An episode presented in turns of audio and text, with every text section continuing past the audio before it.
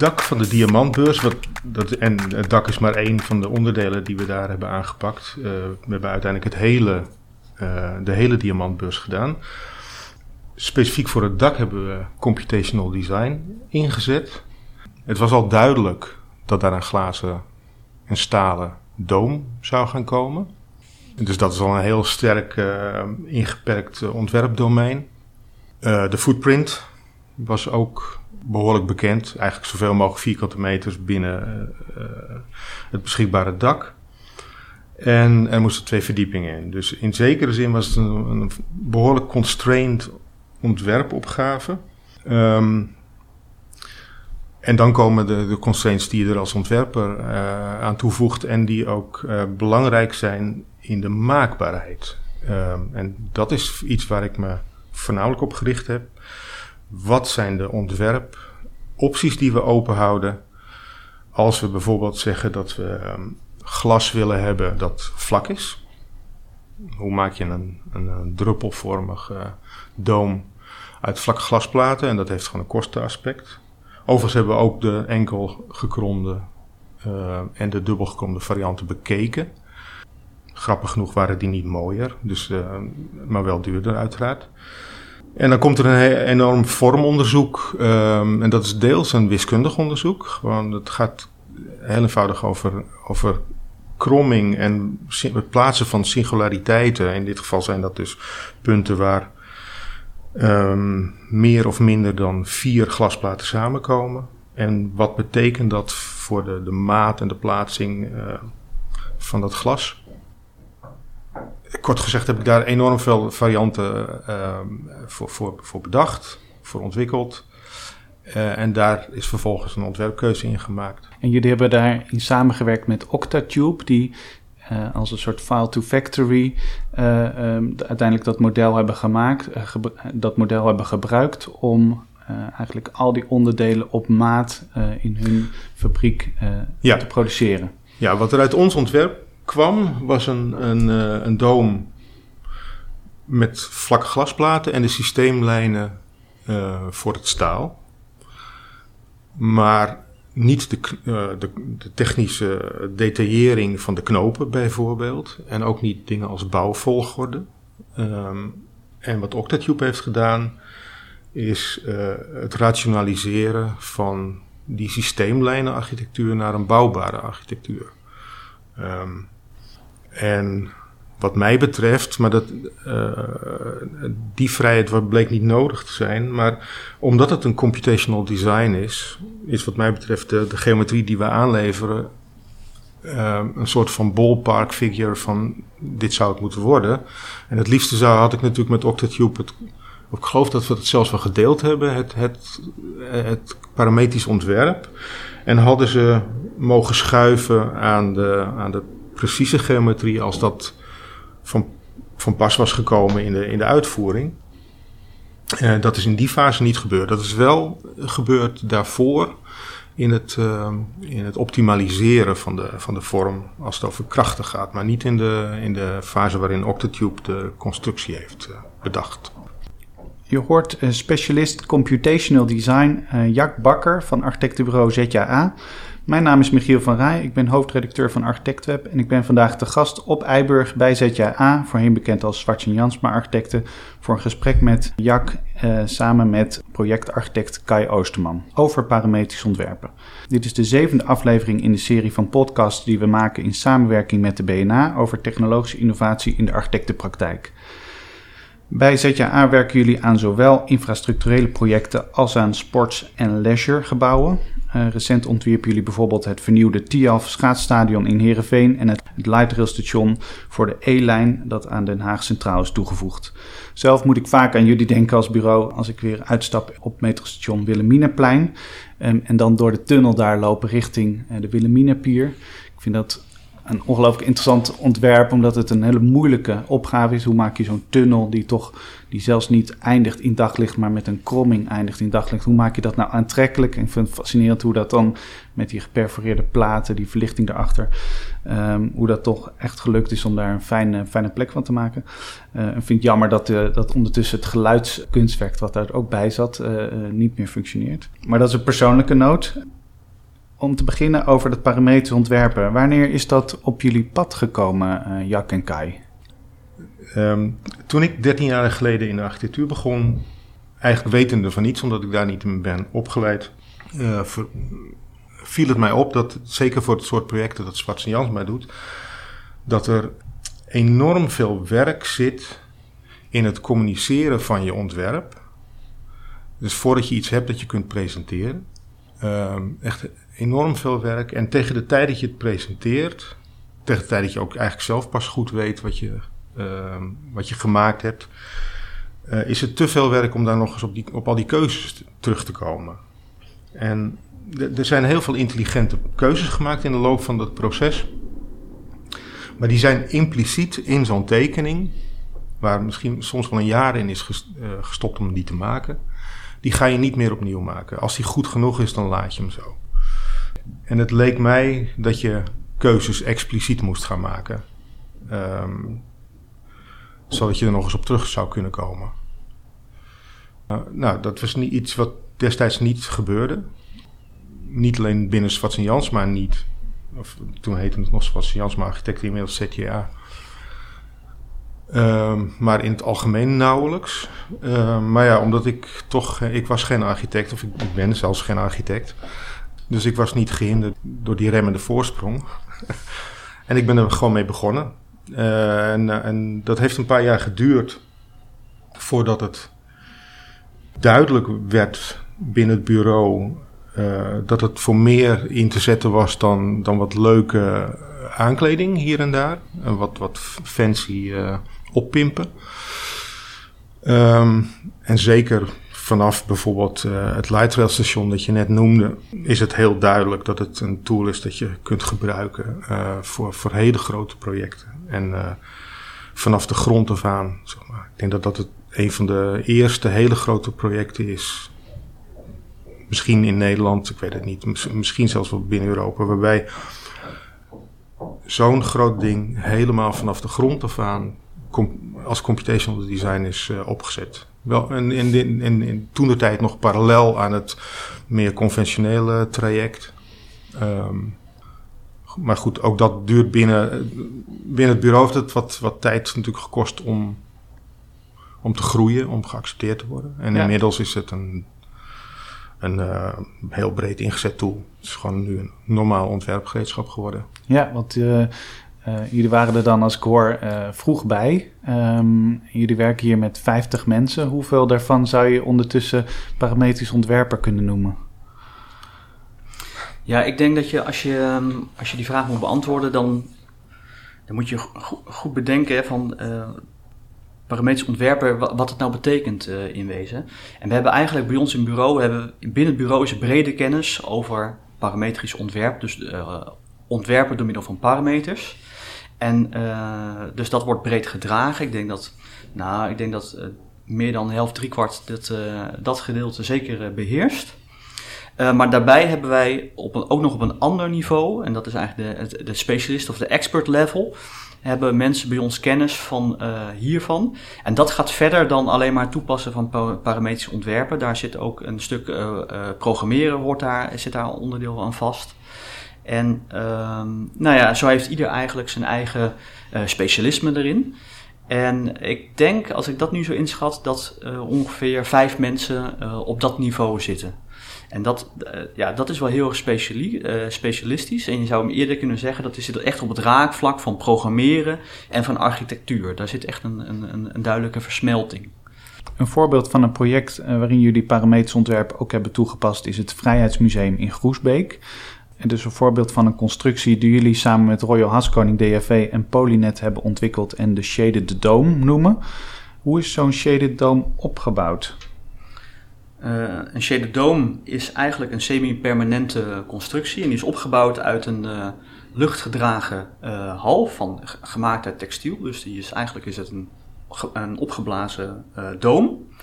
En daaroverheen, los van de doom, staat een tweede constructie daarbovenop. En dat noemen wij de shade. En eigenlijk is dat een, een, een tentconstructie. En daartussen, tussen dus de doom en die shade, daar zit een spouw. En dat is eigenlijk het belangrijke concept waar die eigenlijk voor bedoeld is die fungeert namelijk als een, als de spouw bij een tweede huidfaçade.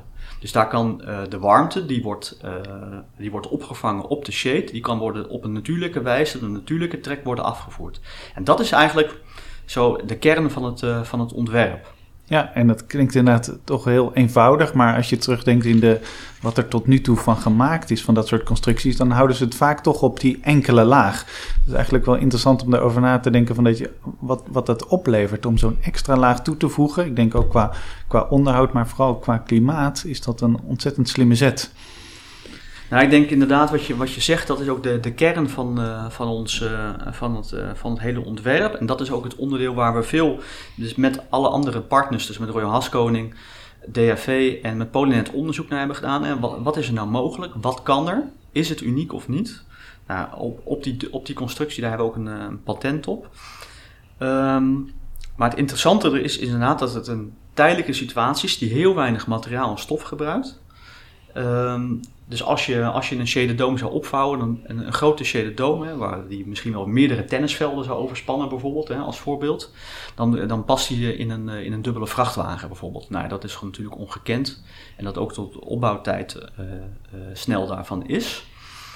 Um, ja, en ik, en ik kan me voorstellen dat juist hè, omdat het een, een, koepel is, die dan ook in verschillende maten eigenlijk besteld zou kunnen worden, dat het zich bij uitstek leent om parametrisch te ontwerpen. Jazeker. Uh, eigenlijk wat het, de Shaded Dome interessant voor ons maakt, is dat het een combinatie is tussen een product en iets wat je kan, uh, eigenlijk kan teleren, voor, kan je, dat je specifiek kan uh, samenstellen voor, voor een opdrachtgever. Dus we gebruiken, en daar komt ook het computational design eigenlijk het best tot zijn recht. Dus je gaat uit van bepaalde uh, vaste gegevens.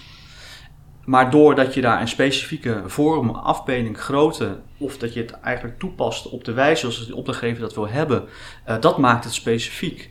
Waardoor je dus niet het hele proces een keertje opnieuw hoeft door te lopen, maar door het aanpassen van die specifieke parameters, kan je dus heel snel tot vormen komen en heel snel tot resultaat. En kun je iets zeggen over hoe jullie die constructie geperfectioneerd hebben uh, uh, in de parametrisch ontwerp in samenwerking met Royal Haskoning? Uh, nou, eigenlijk wat we hebben gedaan is het verdelen in verschillende stukken. Dus eerst begint het met het vinden van een vorm, hè, dat het programma er goed in zit natuurlijk. En daar, dat, dat stuk, dat onderdeel, dat, ja, daar hebben we dus een, een, script voor geschreven. Misschien kan Jack daar nog iets meer over vertellen.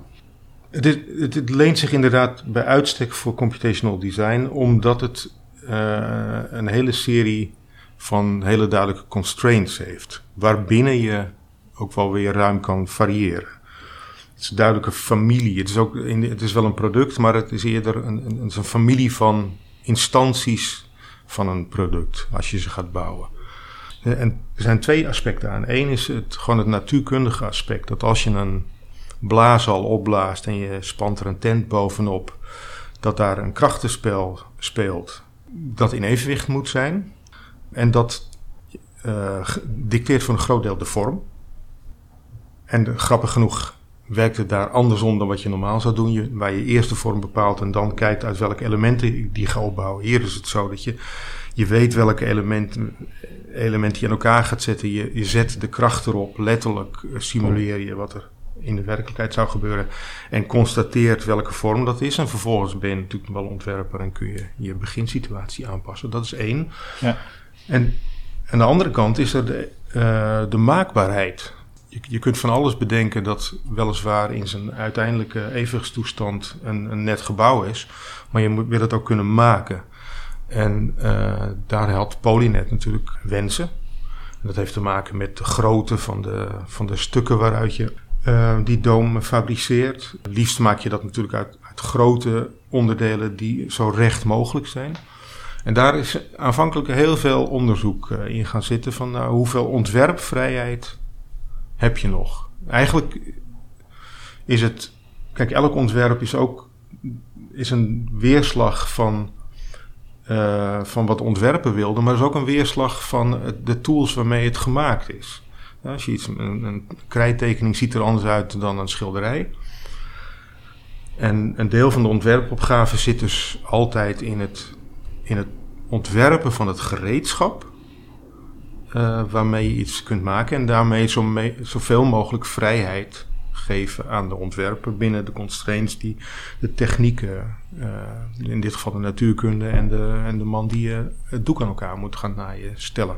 Nee, dat is natuurlijk het interessante aan. In, in, reguliere gebouwen werk je toch met veel standaardproducten. En hier, dit is maatwerk waarbij je inderdaad moet afstemmen van ja, wat is dan de limieten van de productie en kunnen we die ergens nog oprekken of niet.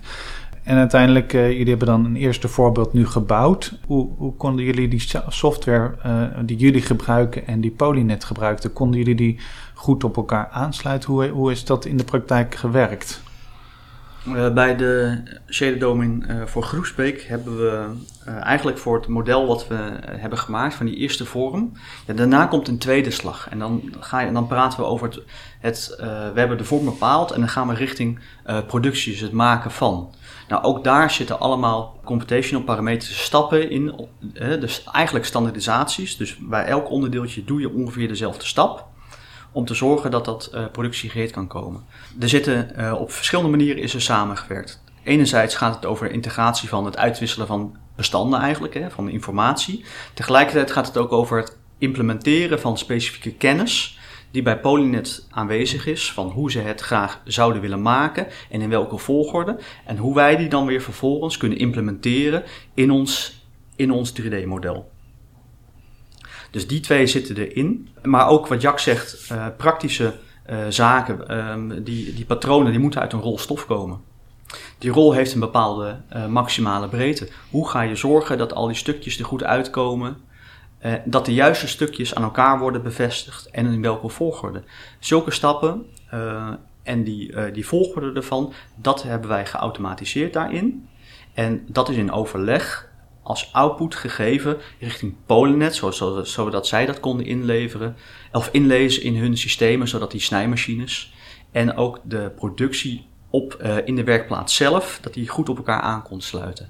En die uitwisseling, uh, ja, die gaat eigenlijk gewoon via de, als output en input geleverd. Hè? Dus dat gaat via dus die ja. generieke uh, uitleverbestanden, hè? DWG's, DXF en, en zulke zaken. Maar eigenlijk interessant dat, dat jullie heel veel informatie nodig hebben van, het, van de productie om inderdaad dat, dat model soort van precies te kunnen tekenen. Ja, ik denk ook dat het goed is om, om te benadrukken dat, want je, je, originele, je oorspronkelijke vraag vroeg, hoe, is, hoe sluit onze software op hun software aan?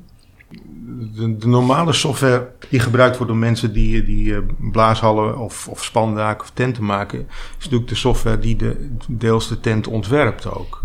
En die, um, in die stap is er nu niet. Wat wij uitwisselen zijn bestanden die als je ze gewoon in de snijmachine gooit en aan elkaar zet, kant en klaar um, het, het, object opleveren. Um, en, maar dat betekent dat zo'n geïntegreerd model, dat dus uh, het ontwerp maakt, maar dat ook productie uh, rijp maakt en eigenlijk gewoon de, de, de shop drawings genereert. Dat betekent dat je heel veel kennis van hoe dat, hoe dat werkt moet, moet overgedragen worden. Um, die, die moet impliciet in dat, in dat script gaan zitten. Ja. En uh, dat duurt eventjes voordat... Uh, ja. maar, maar, als ik daar mag toevoegen, wat uh, Jack heeft net gezegd over, over de diamantbeurs. Hè? Dus wij hebben een, een lijnmodel aangeleverd. Toen heeft Octatube daarmee verder gegaan. En eigenlijk als je nu kijkt bij Shaded Dome, daar zijn die, uh, die twee stappen, die zijn niet uh, achter elkaar, die zijn in elkaar geïntegreerd. Dus die eigenlijk die, het, het refereren en het verweven van, van die verschillende uh, van, de, van het maken en van het ontwerpen. Ik denk dat dat een heel sterk punt is van, uh, van de Shaded Dome. En dat is eigenlijk ook de kern van onze samenwerking geweest, zowel met Royal Haskoning als uh, met Polynet. Om te zorgen dat al die kennis terugkomt in dat ene computational model. Om te zorgen dat er uiteindelijk een product komt wat je kan opbouwen op een bepaalde wijze. Ja, en dat is dan anderhalf jaar geleden is dat Vrijheidsmuseum in Groesbeek opgeleverd. Hoe, hoe, ging, die, hoe ging dat bouwproces? Ja, dat is, is het, kun je het nog, ja, de, de, de basis is natuurlijk een beetje traditioneel gebouwd en dan die, uh, hoe, hoe, hoe, hoe, ging de, hoe ging dat in zijn werk? Nou, het bestaat natuurlijk, het, het Vrijheidsmuseum bestaat uit verschillende aspecten. In, in, in de basis, als je aangeeft, is het een traditioneel gebouw. En daarbovenop is dan de Shade Dome gezegd. Dus het traditionele, uh, traditionele gebouw bestaat uit beton en dat is op die wijze gedaan. En uh, de Shade Dome, die is eigenlijk in de fabriek samengesteld. Dus die is volledig geprefabriceerd. Um, en die is vervolgens uh, in verschillende delen, in vier delen, is hij op de bouwplaats aangekomen. Die zijn aan elkaar gezet. En dat stukje dat heeft, uh, ik denk een week of twee ongeveer geduurd. En uiteindelijk, wat natuurlijk ook de grap is natuurlijk van het concept dat je snel kan bouwen. Uh, toen hadden ze echt maar het moment, ik weet het nog heel goed ook, dat moment, namelijk, het was toch best ja, wel een beetje spannend. De pomp toen, ging de, toen ging inderdaad de ventilator of de pomp aan. En toen ging langzaam, zag je zo die hele shaded dome, zag je omhoog komen. En ja, dat was, dat was een heel mooi, heel mooi moment. En ja, binnen een dag stond hij toen. Ja. Was, was dat gebouw opeens lucht en water dicht. En uh, nou ja, dat, dat was wel. Uh, ja, dat, toen wisten we echt van, nou ja, weet je, het is helemaal gelukt. En, ja. uh, en ja, en het, was, en het was echt spannend. Omdat je um, in dat hele maakproces, eh, omdat er zoveel kennis in zit, ben je ook natuurlijk heel erg bekend met waar de risico's zitten.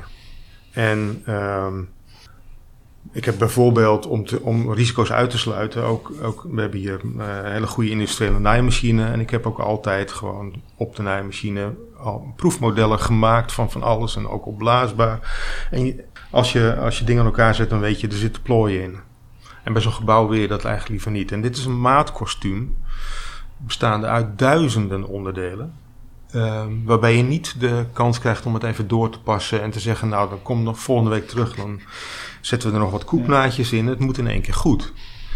En ik, ik had, persoonlijk had ik rekening mee gehouden dat er hier en daar wel iets zou zijn waarvan je dacht, had beter gekund.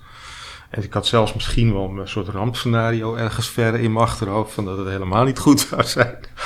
En uh, ja, dus dat was heel spannend. En, en de, de, de opluchting en de vrolijkheid kan ik me nog heel goed herinneren. Dat als het, dat het allemaal knijter strak stond. Dat je denkt, jeetje. Dus, ja. Echt beter dan, beter dan gedacht. Ja, kijk, en natuurlijk hadden we van tevoren hadden we verschillende prototypes gemaakt. Hè, dus je weet ook wel van, dat, dat, dat, weet je, we hebben de juiste stapjes genomen. En, maar toch ja, weet je, we deden het toch op deze schaal voor het eerst. En dan blijft het, uh, dan blijft het toch uh, spannend. Was het. 2.500 vierkante meter zo'n beetje, toch? Ja, ietsje, ietsje minder, maar dat is ongeveer hoe groot hij is. Dit was, ja, was echt een, uh, ja, was een heel mooi moment, was dat. Ja, ja. cool. Nou zag ik dat tijdens de sneeuwstorm begin februari dit jaar een deel van het dak was ingezakt door ophoping van sneeuw. En dat dat eigenlijk heel eenvoudig weer verholpen werd. Um, door het eigenlijk weer eraf te schuiven en het opnieuw op te blazen. Hebben jullie een idee waar dat dan door ontstond, uh, uh, dat inzakken toch? Nou, wat ik, wat ik weet is dat er nu nog uh, wordt gekeken ook naar de verschillende systemen om te kijken van uh, ja, om de, de monitoring. En dus daar zal ongetwijfeld nog een, iets van een rapportage of een, uh, of een rapport van, van komen. Kijk, op een moment dat er natuurlijk een ophoping komt, omdat er natuurlijk in, omdat er bepaalde sterke wind staat, ja, dan, dan kan het wat, wat indeuken natuurlijk. Of inzakken, zoals je dat net zei. Um, nou, wat natuurlijk goed is, is dat het museum uh, alert was en daar snel actie op heeft ondernomen. En uh, inderdaad uh, zorgd heeft dat hij dus op die plekken waar heel veel sneeuw kwam, dat ze dat hebben wegge, weggeschept. En door dus, dan konden we langzaam, dus de, kon de druk weer een beetje verhoogd worden. En waardoor dus die als het ware zelf weer uitbolde. Nou, dat ja. is hoe het, hoe het gegaan is. En uh, nou ja, weet je, dat, zijn ook de, het, het, dat was ook een soort van lakmoesproef, hè, dus voor het eerst. Dus we moeten daar ook de, uh, nou ja, we moeten dat, uh, dat moet onderzocht worden en kijken wat we daar nog van kunnen leren. Nee, dat is ook een, natuurlijk een, je kan er dan heel negatief over doen, maar het is natuurlijk een, een, een opgebolde, slappe, slappe, slappe constructie die door, zijn, door, door de lucht de stevigheid krijgt. En ja, dan heb je kon, kan natuurlijk af en toe een keer uh, eens in de vijf jaar of tien jaar een keer inzakken door, wat, door een unieke situatie. En dan is dat ja, ook weer zo veerkrachtig dat het natuurlijk vanzelf opgelost wordt. Ja, ik denk dat je. Um, kijk, het is flexibel. Zover als het nu inzakte, dat is niet wenselijk, denk ik. Het bleek ook niet, uh, niet heel ernstig te zijn. Uh, dus zoals Kai zegt, dat is een les. Uh, en dat betekent waarschijnlijk dat procedures vooral eventjes moeten aangescherpt worden. Um, monitoren. Ja. Er stond, in dit geval was er heel veel sneeuw en, en een hele harde wind. Ja. Maar ook dat, uh, dat, kan niet tegen. maar misschien, je moet iets alerter zijn, denk ik. Nou, en waar ik heel blij om ben, is dat, het, uh, dat, dat hij niet kapot gegaan is. Exact, ja. En dus dat er geen schade aan de, aan de, aan de, aan de, aan de, aan de collectie van het museum is uh, gekomen. Hè? Dus dat het niet. Uh, kijk, als normaal door. Er zijn nog andere daken ook geweest hè, die door die sneeuw zijn ingestort en zo. Ja, dan is het gewoon kapot. Dan komt die sneeuw naar binnen. Nou, dat, was, dat zou natuurlijk desastreus zijn geweest voor, voor het museum. Want natuurlijk, met name natuurlijk in deze tijd, met dat alles. Uh, uh, dicht moet zijn. Ja, dus uh, dan kan je dat niet nog eens keer erbij hebben. Dus daar ben ik ook heel blij om. En nou ja, ik ben benieuwd hoe het nu, nou ja, als, als, als het helder is, als, als die analyse gemaakt is, wat eruit komt. En nou ja, we gaan er zeker iets van opsteken. Als concept is de Shaded Dome oorspronkelijk ook met name bedoeld voor warmere landen. Hè, bijvoorbeeld voor de de Spelen in Qatar en, enzovoort.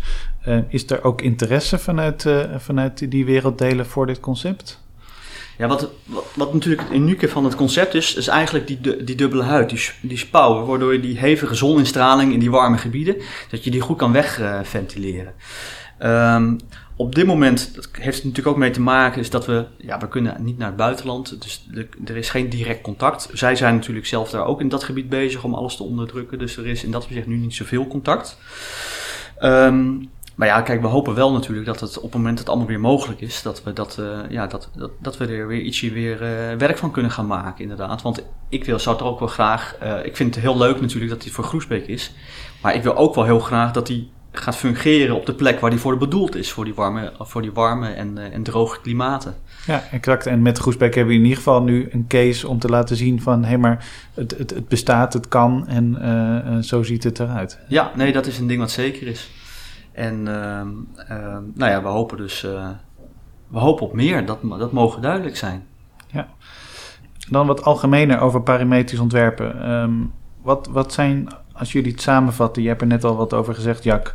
Uh, het, het, het, het, argument inzichtelijk maken wat je, wat je eigenlijk maakt in een ontwerp. Wat zijn voor jullie, als je het samenvat, de grootste voordelen van het parametrisch ontwerpen?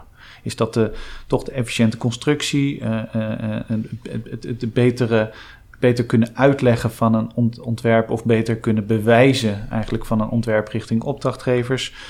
Of, of, of, is het de, de, de snelheid van ontwerpprocessen uiteindelijk? Het is, niet, het is zeker niet sneller.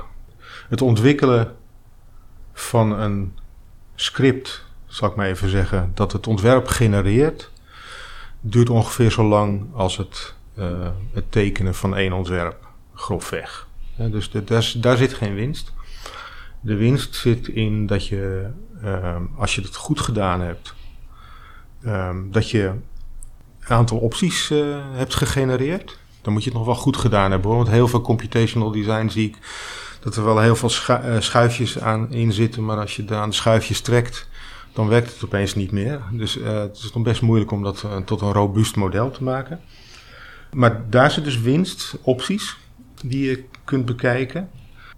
Dat heeft denk ik als voordeel dat je daarmee ook. Want, want we zijn, het zijn nog steeds ontwerpers. Hè? Het is niet zo dat dit kwam uit het programma, dus dat moet het dan maar zijn.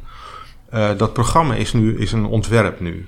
En als daar niet uitkomt wat je, wat je mooi vindt, of wat je eh, op de een of andere manier aantrekkelijk vindt, wat je, waar je naar op zoek was, dan moet nu het programma aangepast gaan worden. Maar ontwerpen, dus keuzes maken, doe je omdat je, je, je, je denkt in een zekere richting, je bent ontwerper en dat doe je op basis van je ervaring in het verleden. Je, je intuïtie. Intuïtie is opgebouwde ervaring. En die ervaring is maar heel beperkt. Je hebt iets ontworpen, dat is gebouwd, dat, was, dat ging goed. Waarschijnlijk doe je iets vergelijkbaars in, in de toekomst weer een keertje. En nu heb je opeens de kans om, om meer ontwerpen te bekijken dan je, je directe intuïtie. Op zijn minst heb je kans om een zekere bandbreedte rondom dat ontwerp waarvan je denkt dat het moet gaan worden, om die ook te onderzoeken. En uh, dus daar komen verrassingen uit. En dat is prettig als ontwerper, want daarmee ontwikkel je denk ik je, je, je vocabulaire.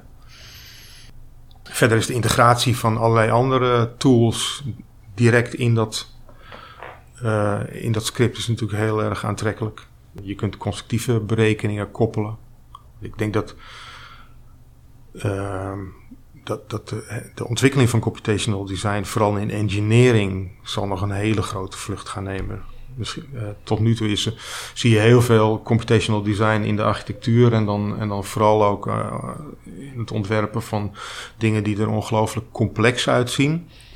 Ik denk dat heel veel in de ontwikkeling gaat zitten in de engineering en in dingen die op zichzelf misschien niet zo spectaculair uitzien, maar die, die slim in elkaar zitten. Dus eigenlijk heel veel slimmigheid gebruiken om dingen vrij simpel te houden. Daar zie ik veel toekomst. Meer dan in betrekkelijk weinig slimmigheid, noem even Voronoi of zo, gebruiken. Om iets te maken dat er enorm complex uitziet. En dan gaat het eigenlijk met name om engineering over draagconstructies, maar ook over bijvoorbeeld bouwfysica, kan ik me voorstellen, of uh, stromen van mensen. Eigenlijk ja. op allerlei aspecten uh, ja. intelligentie gaan toevoegen. Ja, nou, die, uh, dus wat mij betreft heeft het twee, twee aspecten die, die, ik echt een meerwaarde vind hebben. Dus het beheersen van complexe geometrie en van systeemlijnen. Shader Dome is daar een voorbeeld van. Diamantbeurs is daar een voorbeeld van. Uh, de, de, de kap van de HC, dus van de E-lijn, Erasmus station is daar een voorbeeld van. En tegelijkertijd ook als communicatiemiddel, hè, dus dat je aan een, aan een opdrachtgever kan uitleggen van uh, stel je wilt dit, uh, dan is dit het effect, niet alleen op dit ene specifieke punt, maar dat heeft dan invloed op, op punten die daaraan gelieerd zijn. Hè. Dus, die, dus het, het, versterken van de onderlinge relaties en dat snel kunnen aangeven, uh, dat vind ik een belangrijk aspect van, uh, van het uh, computational design daarin. En ehm, wat, wat, je, wat ik denk ook wat, wat, wat onderdeel is van de toekomst, inderdaad, is het, het verbinden van andere disciplines. Hè, dus als we het hebben boven bouwfysica, binnen zo'n model en daar dan dat als ontwerp input meenemen om een stapje verder te komen. Dus met name richting duurzaamheid, bijvoorbeeld. Uh, ja, daar, daar is nog heel veel uh, te ontwikkelingen in te doen. En ik denk dat daar ook de, de grootste uitdaging zit. Um, en uh, dat maakt het volgens mij ook nog steeds heel relevant om, om, om die ontwikkeling en dat, die, die, die voortgang door te zetten. Ja, exact. Ja, ik vind het ook fascinerend om dat te horen dat je eigenlijk traditioneel zou je kunnen zeggen is uh, is een ontwerp bestaat ook uit verschillende keuzes die je dan maakt. Maar wat je zegt eigenlijk dat het, het vormt natuurlijk een netwerk met elkaar. En dat je via parametrisch ontwerp zit het echt gekoppeld. Dus de, de, een, een, een, gevel iets naar achter of, of, of, of andere hoek heeft allemaal gevolgen uh, uh, die je niet los van elkaar kan zien. Dat vind ik wel ja. heel interessant. Ja. En dan, een ander voorbeeld daarvan is wat, wat, wat, wat wij ook zien in infrastructuurprojecten. Dus op het moment dat je besluit van ik ga de Um, uh, omdat het uh, beter uitkomt, bijvoorbeeld, ik ga de overspanning mooier of groter maken. Dus de overspanning wordt groter, dat betekent dat mijn constructie hoger wordt. De constructie hoger, dat heeft meteen invloed op mijn alignement. En hoe kom ik dan uit op uh, sommige plekken? Dus om dat real-time aan een opdrachtgever of aan de mensen waar je mee samenwerkt uit te kunnen leggen wat er gebeurt. En dat het misschien wel of juist misschien niet zo'n goed idee is. Um, ja, dat is, uh, dat, dat is zeker waardevol uh, erin. En dat, dat geeft veel uh, begrip en inzicht, niet alleen voor jezelf, maar ook om, als communicatiemiddel. Ja, precies. En, en koppelen je het dan ook al aan virtual reality? Ik zou, ik, ik, zou nog heel even willen, okay. iets willen toevoegen. Want je, hebt het, je noemde dat een netwerk van keuzes. En dat is denk ik heel erg. Dat, dat raakt de kern. En die, maar die keuzes worden er zit een zekere hiërarchie in en die worden traditioneel in de tijd gemaakt. Um, keuzes die je aan het begin maakt, die blijken soms pas heel erg aan het einde van het traject consequenties te hebben die je niet had voorzien aanvankelijk. Uh, en waar, daar had je misschien een andere keuze willen maken. Als ik bijvoorbeeld iets eenvoudigs. Uh, als ik een project neem dat voor, uh, bij ons relevant is, bijvoorbeeld een stadion, dan kan ik me voorstellen dat je aan, aanvankelijk bijvoorbeeld een keuze maakt over hoeveel spanten er rondom dat stadion staan die, um, die het dak en de, en de tribunes dragen. En vervolgens werk je dat verder en verder. Verder uit, er komt een tribune overheen. Die tribune wordt opgebouwd uit elementen. Daar, op die elementen, daar komen, daar komen in- en uitgangen. Daar komen stoeltjes op te staan. En ik kan me zo me voorstellen dat je helemaal aan het eind ontdekt... Als ik nou eens in plaats van 60, 62 van die spanten had genomen... dan was ik veel beter uitgekomen met mijn stoeltjes. Zoiets heel, heel, heel triviaals lijkt dat als een stoeltje waar het uiteindelijk toch over gaat. Ja. Ehm, dat is nou typisch een keuze die dus in de tijd wordt die aan het begin gemaakt. Die, die hangt in dat netwerk, maar die, waar je normaal gesproken niet op terugkomt als je een, een, een, ehm, een lineair proces hebt. Uh, dat je ook, ook zo op die manier in de tijd uitrolt. Die, die keuze die is gemaakt, die ligt vast, daar komen we niet op terug. Anders moet alles over. Nu leg je dat vast als een, als zijnde een keuze die je moet maken en waar je, waar je nu eventjes een, uh, nou ja, een getal voor invoert. En vervolgens hou je in je achterhoofd dat allerlei andere keuzes daarvan uh, afhangen. Dat, dat implementeer je in je script. En als je dat goed doet, dat is best nog wel lastig om, om steeds in je achterhoofd al die verborgen aannames niet te maken. Te denken, nee, dit, dit kan allemaal nog veranderen dan hou je de flexibiliteit om, om laat in het proces hele fundamentele keuzes ook nog over te doen of aan te passen. Ja, en dan heb je het eigenlijk over inderdaad mogelijkheden die de, deze manier van werken biedt, die je normaal eigenlijk traditioneel niet eens zou overwegen. Dat is dan uh, het interessante, precies. En om dan door te gaan erop, uh, koppelen jullie dit ook uh, als je het overlegt met opdrachtgevers, gebruikers, presenteren jullie het dan ook in virtual reality? Eh, de laatste, eigenlijk de laatste jaren zijn wij steeds actiever geworden in, eh, met virtual reality. Sowieso natuurlijk, hè, dus we, dat begon al met uh, de Oculus. we hebben dat wij verschillende projecten hebben dat nu ook gebruikt. Inderdaad, meest, soms gebruiken we het alleen maar om intern, om een ding aan elkaar te laten zien. Of om die ontwerpen, de voortgang te laten zien of problemen te laten zien. En soms ook tijdens presentaties. Door middel van, van die brillen om echt de goede 3D-ruimte te kunnen zien. Uh, nou ja, dat is waar we nu mee bezig zijn. En wat, wat we nu ook zien is dus, dat is eigenlijk ook een nieuwe ontwikkeling, is die, koppeling aan die, aan die gaming-industrie. Dus dat je real life door, door gebouwen of door objecten of door landschappen of wat dan ook heen kan lopen. Ja, daar, ik denk dat daar ook nog een heel veel in, de, in de toekomst te winnen is. Voor, eigenlijk voor de hele architectuur en, eh, en bouwindustrie. En dat is ook een hele nieuwe ontwerpopgave. Zeker in deze coronatijden waarin we heel veel virtueel elkaar zien. Daar, daar worden omgevingen voor ontworpen.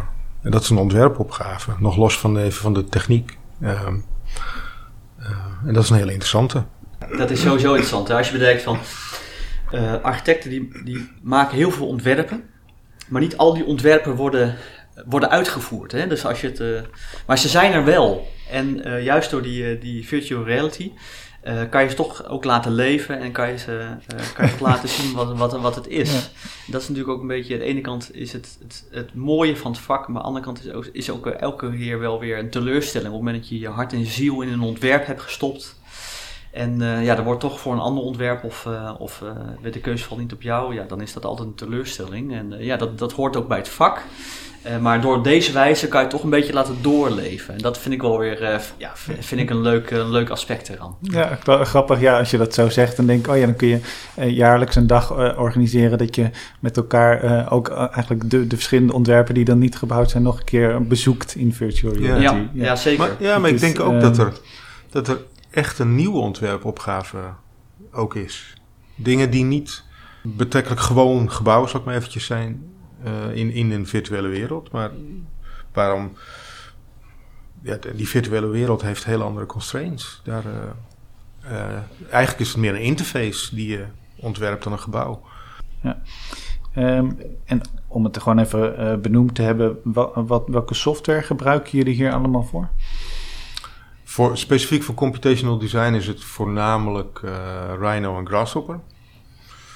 Het, het begon ooit uh, in processing, gewoon of puur Java, zal ik maar uh, eventjes zeggen. Uh, maar het is heel duidelijk. En, dus ik vind ook de, een stand, standbeeld voor David Rutte, dat is wel op zijn plek, denk ik. Ehm, ja, die, de, de, man die Grasshopper heeft bedacht en ontwikkeld. Dat is nu de go-to software hiervoor. Super, werkt supergoed. En er zit een hele mooie community omheen. Dat maakt het ook vooral zo, zo krachtig. Er is, er is veel ontwikkeld, er zijn veel gebruikers. En die zijn bereid van alles met elkaar te delen. Waardoor ja, de meeste andere concurrenten die er tien jaar geleden nog bestonden, daar hoor je niet zo heel veel meer van. Die worden vast nog wel ergens gebruikt, maar dit is gewoon de software. Dus die gebruiken wij ook. En dan daar waar de functionaliteit van, uh, uh, van Grasshopper standaard niet, niet helemaal is wat je, wat je nodig hebt, schrijven we onze eigen software. Ja, in Grasshopper heb je dus, kan je dus verschillende plugins hebben. Dus er zijn, dat zijn allemaal kleine eh, stukjes programma of programmatuur die mensen dus over de hele wereld schrijven. En die, dan, die kan je downloaden. En die zijn over het algemeen, die zijn, die zijn, dat is freeware. En zulke stukjes, hè, als je specifieke opgaves hebt zelf, dat kan je ook zelf schrijven. En sommige van, van zulke delen hebben wij dan specifiek voor het bureau hebben dat, geschreven, zo'n plugin. En dat, dat gebruiken we dan intern. Dat is dus een soort aanvulling op het programma. Of misschien om sommige stapjes wat makkelijker te maken of wat dan ook. Dat, is, dat zit eigenlijk allemaal in Grasshopper. Die mogelijkheid zit in Grasshopper. En inderdaad een vraag die ik ook heb van, van hoe word je dan steeds beter daarin? maar als ik het zo hoor, is die, kun, je, kun je wel terug, terugvallen op een internationale gemeenschap eigenlijk die, er, die zich in ieder geval daar ideeën over deelt. Ja, ik denk dat je er Um, het is behoorlijk vriendelijke software eh, om te beginnen, dus dat scheelt. Als je, je, kunt 3D modelleren, dan kun je dat dus ook in Rhino en dan al heel snel. Is er geen enkele reden om niet ook af en toe iets in Grasshopper te scripten. Of in, in, vanuit mijn optiek is er geen enkele reden om, om ooit iets niet te scripten. dus waarom, waarom zou je zelf een lijntje trekken als je, het kan, als je het kan scripten? Maar in ieder geval, dat is persoonlijke smaak. Dus er is een hele makkelijke ingang. En gaande, dus je begint met eenvoudig wat blokjes aan elkaar te hangen. Um, en afhankelijk van persoonlijke interesse en aanleg uh, ontwikkel je dat verder. En daar zijn, uh, daar zijn goede online resources voor. Plus dat wij hier intern uh, uh, Grasshopper workshops hebben georganiseerd in het verleden. En ik, dus ik denk dat daar in, in totaal 40 mensen zeg maar, die, die, die cursus intern gedaan hebben, die we, die we verzorgen. Dat scheelt enorm. Gewoon ja, tuurlijk. Ja. Um, en dan om af te sluiten nog inzoomend op een infrastructuurproject, uh, de verlengde Waalbrug, onderdeel van de Waalsprong bij Nijmegen. Hoe, um, om te beginnen, hoe, hoe, hoe, is dat ontwerp opgebouwd? Een hele gladde vorm, um, maar jullie hebben er vast een, meer woorden bij om dat te omschrijven. Nee, nee, het heeft een hele grappige ontstaansgeschiedenis. Misschien is het een klein beetje technisch, maar er bestaat zoiets als relaxation. En dat is een, een, van de plugins die in Grasshopper tegenkomt. Geschreven door Daniel Piker, nog zo iemand die een standbeeld verdient. Die, de plugin heet Kangaroo. dat is wat iedereen daarvoor nu gebruikt. Daarmee kun je aan een lapje stof trekken en, en vindt het zijn vorm dat, maar dat bestond niet toen ik me interesseerde voor computational design. Um, en ik had wel een fascinatie voor wat mensen konden met een lapje stof. Dus dat heb ik toen zelf geschreven. Ongeveer tegelijk met wat Daniel geschreven heeft. En die heeft dat, ik moet, dat moet ik eerlijk zeggen, veel beter gedaan dan ik het toen deed. Maar in ieder geval, dat begon als een, als een iets wat ik graag eens wilde doen. Gewoon een technology proof concept. En toen dat klaar was, uh, dacht ik, nou, oké, bin there, done that, klaar. Vervolgens kwam de vraag om de, uh, de Waalbrug te doen. Uh, en Rijn die nam een lap rubber, zette daar drie, of prikte drie punten naar beneden, goot er gips in, er kwam die mooie vloeiende vorm uit. En, en letterlijk kijk me aan en zei, dat kunnen we nu toch? Uh, ja, daar ga je, Jack. en uh, toen begon de ellende natuurlijk. Want tussen dat proof concept en, een, en, en 12.000 vierkante meter brug... die aan allerlei hele specifieke condities moet voldoen... daar zit nog wel wat tussen. En, uh, en het was voor mij ook allemaal heel erg nieuw. voor, voor het bureau was het heel erg nieuw. Nou ja, dus dat is de ontstaansgeschiedenis van de vorm. En, en, en, en uh, van de initiële vorm, dus de gladde huid. Ook omdat we toen ook, uh, we keken naar verschillende manieren van betonbekistingen. Uh, in de loop van dat proces. Want dat werd nu ook ingezet bij een, project in de Rocky Mountains, bijvoorbeeld, voor de Wildlife Crossing. En daar dachten we, we kunnen waarschijnlijk met een staalkabelnet en een membraan kunnen we een bekisting maken voor, voor beton. Dat hielden we allemaal open als opties voor de, voor de Waalbrug. Um, want we wisten nog niet hoe gaan we dat ding maken. Nou, uiteindelijk bleek het maken eigenlijk heel eenvoudig. Uh, Verhoeven, degene die de kist heeft, uh, heeft getimmerd, kan dat gewoon heel erg goed. Gewoon inhoud. Uh, ja, het was echt een prachtige kist. We ja. zijn toen met het hele bureau zijn we op de, op de werkplaats geweest. En je zag, die, uh, nou, je, je, zag die elementen van die bekisting zag je staan. Helemaal mooi glad gemaakt. Het was haast een soort scheepshuid als je het zo zegt. Hè? Ja. Met zo'n zo dubbel gekromde vormen erin. Ja. eigenlijk was het grappig, want het, het ontwerp was op een hele ja, eigenlijk een, een, nieuwe, moderne manier samengesteld door het computational design.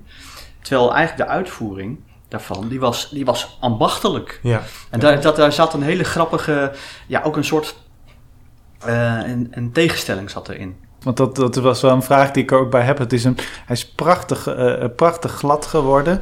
Uh, van hoe, hoe doe je dat dan? Maar dat is dus inderdaad uh, vakwerk. Nou ja, we hebben naar heel veel technieken gekeken. De, maar ook naïviteit, in ieder geval van mijn kant. Uh, dat, het ontwerp was er. En, en toen zouden we nog... Of ging, ging ik nadenken, ja, en hoe gaan we dat dan maken? Um, vervolgens blijkt de hoofdaannemer, om, uh, die, die moet zijn risico's ook afdekken. Die gaat op zoek naar iemand die die kist kan maken. En binnen een zeker budget. En heeft dat gevonden bij Verhoeven. Die zei, ja, dat kunnen we gewoon uit hout. En daar wist ik verder niks van. Dus ik was op zoek naar allerlei alternatieven. Ik geloof dat daar hebben we nog een mooi paper over geschreven. Van hoe kun je zo'n, hoe kun je deze vorm nu bouwbaar maken, zodanig dat de, de design intent overeind blijft in de, in de bouw en dat het niet een zootje wordt. Dat contract was al lang al vergeven, bleek. en, dus we hebben allerlei alternatieven bekeken: uh, schuim uh, snijden, schuim frezen, uh, fabric formwork, een soort gelaagde houten kisten. Um, allemaal erg interessant qua techniek. Allemaal niet bewezen. Ik heb ze later op conferenties heb ik ze gezien. En dan, ja, er zit een hoop ontwikkeling in. Maar het heeft allemaal nog niet de, de kwaliteit die je nodig hebt om 12.000 vierkante meter mee, uh, mee te doen. En uh, grappig genoeg, uh, ondertussen was Verhoeven gewoon die kist aan het bouwen. gewoon als een, als gewoon hele goede timmermannen. En ehm, ja, ja, en werkt dat uiteindelijk ook, precies. Ja. Dan nog even afsluitend uh, een, een, blik richting de toekomst. Waar, ja, uh, zijn, er, zijn er projecten die er aankomen bij jullie of, of dingen waar je naar uitkijkt in de komende periode op dit vlak? Nou, we, hebben, uh, we zijn in Korea hebben een project, dat is de Elevated Light Rail. daar hopen we dit jaar ook weer mee verder te gaan. Daar zijn we afgelopen jaar mee bezig. Nou, die, als we het hebben over het beheersen van complexe geometrie, nou, dat is daar een ongelooflijk goed voorbeeld van. Uh, dus daar kijk ik naar uit. Uh, op dit moment uh, zijn we ook. nou ja, duurzaamheid is natuurlijk sowieso een aspect. En ook binnen, ook binnen ons bureau natuurlijk. En wat ik heel interessant vind, en dat staat nog een beetje in die competition design weer nog een beetje in de kinderschoenen. Is die verbinding met die bouwfysische aspecten. En, ja. en in welke mate wij als architectenbureau daarbij kunnen, aan kunnen bijdragen. En je moet je voorstellen, wij kunnen natuurlijk bouwfysica of warmte uh, instralen, kunnen wij, daar kunnen wij best wel iets van vinden. Dus de positionering van, van glas bijvoorbeeld, de grootte daarvan, de oriëntatie van het gebouw. Uh, alle zulke aspecten om dat expliciet te maken wat effect is als je een keuze maakt in, uh, in je architectuur. Nou, dat zie ik echt als een, de komende tijd als, als, een, ja, als, een, als een, een, een interessant punt waar, waarvan ik denk nog veel te, te winnen valt. Ja, ik, Nee, ja, dat, dat, dat is een tool, zeg maar, of een, een, een deel van het ontwerpproces dat, um, dat veel verder ontwikkeld kan worden. Uh, meest voor de hand liggende, de eerste uitbreiding in, in, in het geval van ZJA, denk ik, is de, de constructie integreren. dus daar wordt ook daadwerkelijk nu aan, aan, aan gewerkt. Zeg maar ook een soort interne specialistenafdeling van, van constructeurs.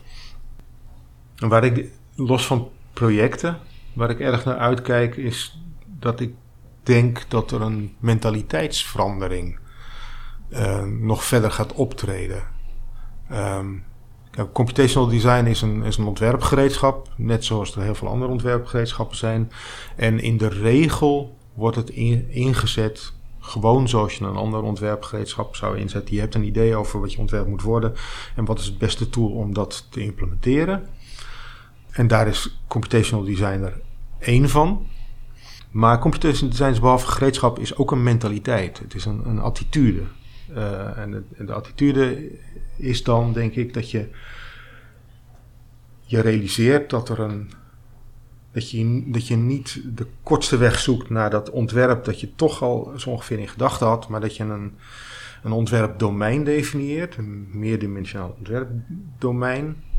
En met een zekere bandbreedte. En dat je daarin een zoektocht organiseert. En, um, en dat je, ja, dus eh, dat is een mentaliteit die denk ik nog veel meer moet landen. Of kan landen. En bijvoorbeeld ook, niet, dus niet alleen binnen het bureau, maar ook bij de opdrachtgever. Een opdrachtgever is denk ik heel erg blij, verwacht dat je gewoon met een mooi plaatje komt met, met flink aan gefotoshopt is. En dat, dat, dat kunnen mensen hier ook heel erg goed. Um, dat is, ook, ook krijg ik dit, nou mooi, geef me dat maar. En uh, ik denk dat, dat, je, dat er een optie is om aan de klant ook een, een, een, uh, een bandbreedte te presenteren. Kai had het daar eerder al over. En dan kun je de klant meenemen in het ontwerpproces. Je, uh, en dus je, je niet, ja, dat, maar dat is een mentaliteitsverandering zowel binnen het bureau als bij de, bij de, de mensen eromheen. De, de constructeurs moeten daar ook in mee willen. Uh, het, is niet de bedoeling dat de constructeur zegt: maak eerst het ontwerp, maar dan reken ik daarna wel door hoe zwaar het allemaal moet worden. En de klant moet, uh, kan ik me voorstellen, tenminste, in ieder geval, ik, daar, kijk ik naar uit. Wat gaat, het gebeuren, wat gaat daar gebeuren? En dat, is een, dat gaat veel jaren duren, denk ik. Ja, maar als ik het uh, na het relateer aan de 13 jaar dat jij er nou mee bezig bent, dan zitten we ook wel op een punt dat dat uh, uh, toch, toch richting volwassenheid zou kunnen gaan, misschien langzamerhand. Maar als je het inderdaad omschrijft, de impact daarvan, ja, dat is wel ingrijpend. En dat zal inderdaad nog wel wat tijd nodig hebben, maar ik vind het fascinerend om te horen hoe je, hoe je daar dan tegenaan kijkt. Dat je inderdaad veel opener proces met elkaar aangaat. In plaats van dat je zegt, uh, ja, zo wordt het. nee, dit zijn de parameters waarmee we werken. En dan kunnen we die kant, die kant, die kant. Ja, de grap is dat als je, want als je zegt zo wordt het, dan lijkt het alsof de architect een soort van enorm stempel drukt. Terwijl mijn, mijn beeld is dat, en, en dat niet al te veel gehinderd door, uh, door, door decennia aan ervaring, maar is dat de, de rol van de architect juist een beetje is uitgehold. En ik denk dat dit ook een kans geeft om, om wat uh, invloed terug te winnen. Omdat je ja, de architect gaat, uh, de, kan uh, weer gaan fungeren als de verbinder of de integrator van de verschillende elementen. En die, die, die rol die je bij, binnen een setje aan, die pakken wij of die zoeken wij ook zeker op. dus het, het, het discipline overstijgend werken. Wat we natuurlijk al, wat ik net een beetje heb verteld al bij de Shaded Dome. Hè, dus de, het, uh, het, het uitwisselen van gegevens, het integreren in verschillende uh, uh, modellen, de implicaties van de ene discipline meenemen in de andere, om te zorgen dat er uiteindelijk een, een, een goed product of een goed ontwerp of een, dat, dat er een goed bouwwerk komt te staan. Daar gaat het uiteindelijk over. Dus, en ik denk ook dat die, dus het, die integratie en juist die, die samenwerking die niet stopt bij elkaars uh, voordeur, maar dat die naar binnen gaat en met elkaar samengaat. Ja, dat is, dat is echt een andere werkwijze. En uh, nou, daar kijk ik ook erg naar uit. Ja, dank. Mooi om uh, zo af te sluiten. Dankjewel, uh, Jack en Kai, voor dit gesprek. Dank aan de BNA voor het mede mogelijk maken van deze podcast. Dank aan jullie voor het luisteren. Tot de volgende keer.